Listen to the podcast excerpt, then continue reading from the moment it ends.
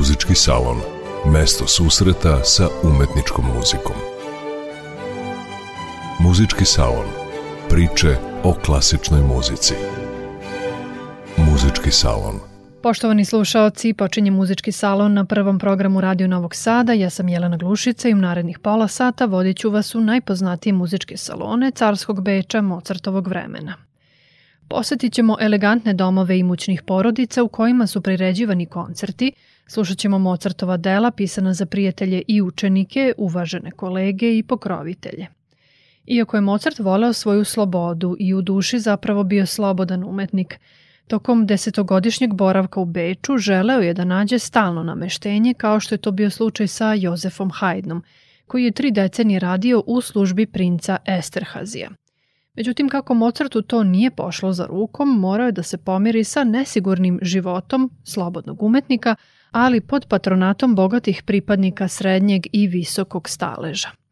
Prihoda je obezbeđivao tako što je nastupao kao virtuoz na klaviru, izvodeći sobstvena dela, pre svega klavirske koncerte, zatim kao nastavnik muzike i zahvaljujući unosnim poručbinama za pisanje novih kompozicija – Zbog toga je bilo veoma važno da ostvari dobre kontakte sa pripadnicima društvenih klasa u čijim domovima su organizovani muzički saloni. Gotovo sve poznate aristokratske porodice priređivale su salone u svojim palatama koje i danas krase centar Beča. Mozart je naročito bio blizak sa porodicom Jacquin, na čijem čelu je bio Nikolaus Jozef, profesor botanike i hemije na Bečkom univerzitetu koji je u slobodno vreme svirao flautu. Njegov sin Emil Gottfried i čerka Franciska bili su Mozartovi bliski prijatelji. Upravo su za potrebe njihovog intimnog kućnog muziciranja nastala vokalno-instrumentalna nokturna na italijanske tekstove.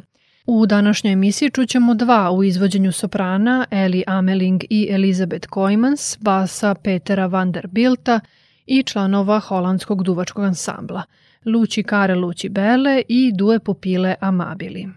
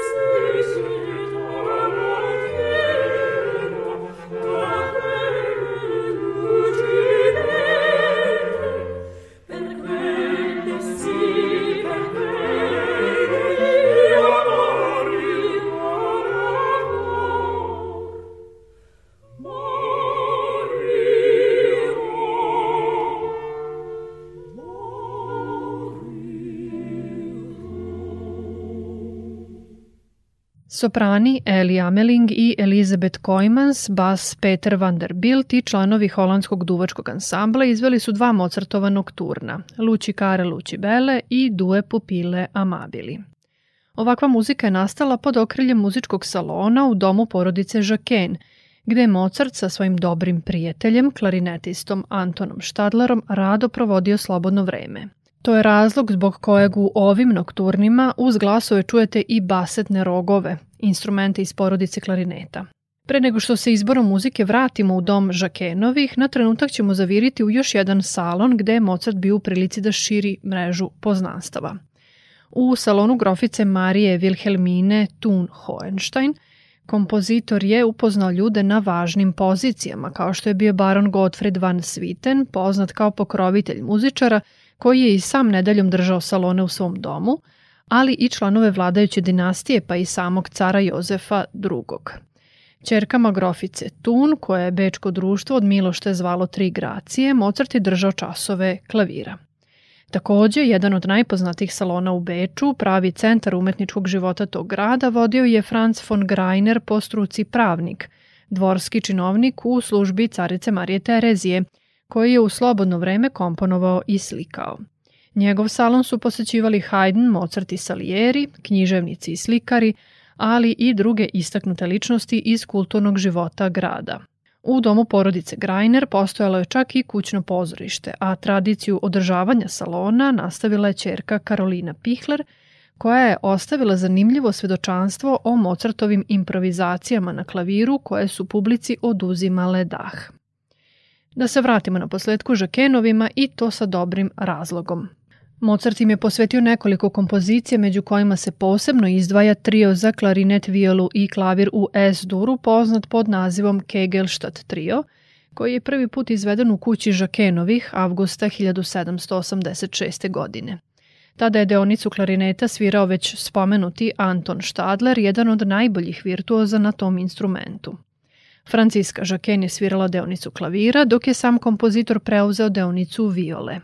Inače, klarinet je u to vreme bio relativno novi instrument, pa je i ova kamerna kompozicija mnogo doprinela širenju njegove popularnosti. Stoga, za razliku od onih vokalno-instrumentalnih nokturna koje smo čuli na početku emisije, svakako ljubkih kompozicija pisanih da se u njima uživa u toplini doma, ovde imamo delo koje zaslužuje mesto u koncertnoj literaturi – Interesantno je to što ni jedan kompozitor pre Mozarta nije napisao delo za ovakvu kombinaciju instrumenta. Slušamo sada drugi stav iz Kegelstadt trija u izvođenju Stevena Kovačevića, Jacka Braimera i Patrika Irelanda.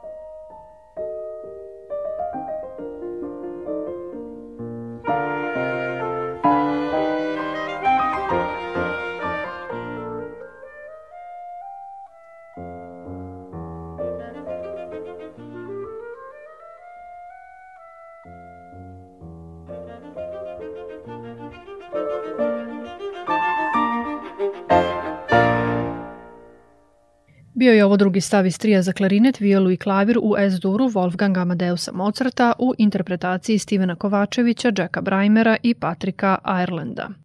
U današnjoj emisiji govorimo o najpoznatijim muzičkim salonima u Beču s kraja 18. veka.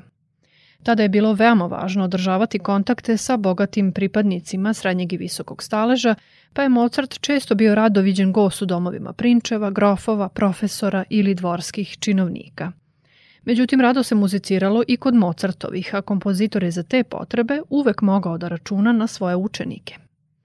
Mesec dana nakon što se doselio u stan na prvom spratu kuće u ulici Schulergasse, koja se i danas nalazi u centru Beča i pretvorena je u muzej, 31. oktobra 1784. na svoj imendan, Mozart je sa svojim učenicama priredio koncert. To su verovatno bile Marija Terezija von Tratner, Barbara von Ploer i Jozefa Auernhammer. Kada se kompozitor doselio u Beč 1781. Marija Terezija von Tratner postala je jedna od njegovih prvih učenica klavira. Imala je dobre veze u bečkom društvu te mu je pomogla da organizuje tri pretplatnička koncerta. To mu je svakako pomoglo da stekne dobru reputaciju kao virtuoz na klaviru. Marija Ana Barbara Ploer, austrijska pijanistkinja poznata i pod nadimkom Babete, bila je takođe jedna od Mozartovih učenica. Kompozitor je posvetio dva klavirska koncerta 1784. godine, a sudeći po kvalitetu tih dela, Barbara je bila odlična pijanistkinja. Jozefa Barbara Auernhammer bila je austrijska pijanistkinja i kompozitorka. Nekoliko puta je nastupala sa svojim učiteljem Mozartom u klavirskom duu i nakon udaje za Johana Beseniga, sa kojim je imala četvoro dece, nastavila da nastupa i privatno i javno. Jednom prilikom, 23. novembra 1781. godine, Jozefa i Wolfgang su na privatnom koncertu izveli sonatu za dva klavira u D-duru, iz koje ćemo sada čuti treći stav u tumačenju Ingrid Hebler i Ludviga Hoffmana.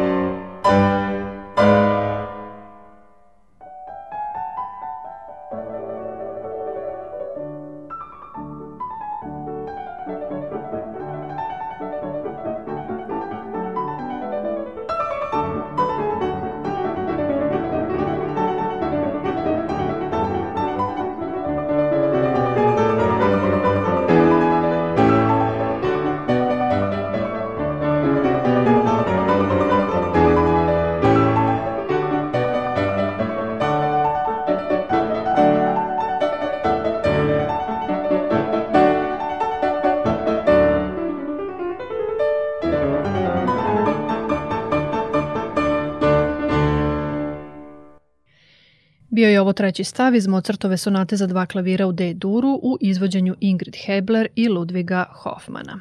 Sredinom 80. godina 18. veka, pored malih kućnih koncerata, Mozart je organizovao i takozvane muzičke klubove. Oni su redovno održavani nedeljom u stanu koji i danas postoji u centru Beča. Skorašnje istraživanja pokazalo su da je Mozart bio jedini kompozitor koji je priređivao takve kućne koncerte. Ono što je važno napomenuti kada govorimo o praksi kućnog muziciranja Mozartovog vremena jeste to da se često nailazi na konstataciju da su na koncertima privatnog karaktera svirali amateri. Pod tim terminom nikako ne treba podrazumevati osobe koje slabo vladaju veštinama potrebnim za sviranje ili pevanje. To su samo bili ljudi koji su po profesiji bili nešto sasvim drugo, a u slobodno vreme su voleli da muziciraju – U ostalom, sviranje i pevanje je u to vreme bilo sasvim normalno u takvim društvenim okolnostima. Prosto se podrazumevalo da članovi porodice sviraju neki instrument ili pevaju. Sudeći po svedočanstvima savremenika, u domu porodice Mozart uvek je bilo dinamično, jer su često dolazili gosti iz Beča i okoline. Pojedini su se zadržavali po nekoliko meseci, a jedan od njih je bio kompozitorov otac Leopold, koji je bio svedok jednog značajnog događaja – Naime, 15. januara 1785. godine Jozef Haydn je bio gost u Mozartovom stanu i tom prilikom su izvedeni gudački kvarteti koje je mladi kompozitor kasnije posvetio starijem kolegi. Posvetu je počeo rečima Al mio caro amico Haydn.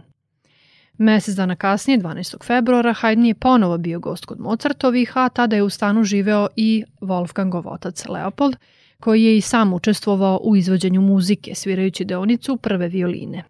Iz tog vremena potiču one legendarne i danas često citirane reči koje je Haydn uputio Leopoldu. Kažem vam pred Bogom, kao častan čovek, vaš sin je najveći kompozitor koji mi je poznat po imenu ili lično. On ima ukus, ali još važnije, on posjeduje najveću veštinu u komponovanju. Možda su te laskave reči uspele da umire zabrinutog Leopolda, koji je strepeo za budućnost svog sina nakon što je napustio službu u Salzburgu u želji da ostvari svoje snove u carskom Beču. Jedan od najsvežijih kvarteta koji je izveden tom prilikom bio je upravo poslednji u tom ciklusu od šest, a datiran je 14. januara 1785. godine. I zato na kraju današnje emisije slušamo treći stav iz gudačkog kvarteta u C-duru u izvođenju članova ansambla Kvarteto Italiano. Do narednog susreta, Ostanite uz prvi program Radio Novog Sada.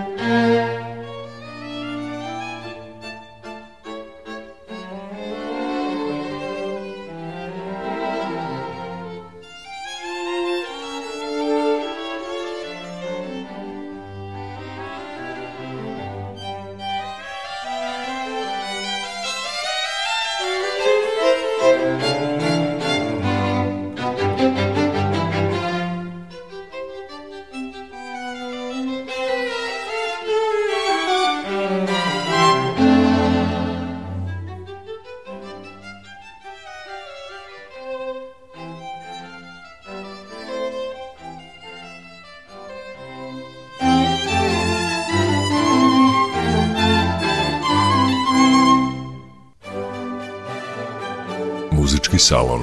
Mesto susreta sa umetničkom muzikom. Muzički salon. Priče o klasičnoj muzici. Muzički salon.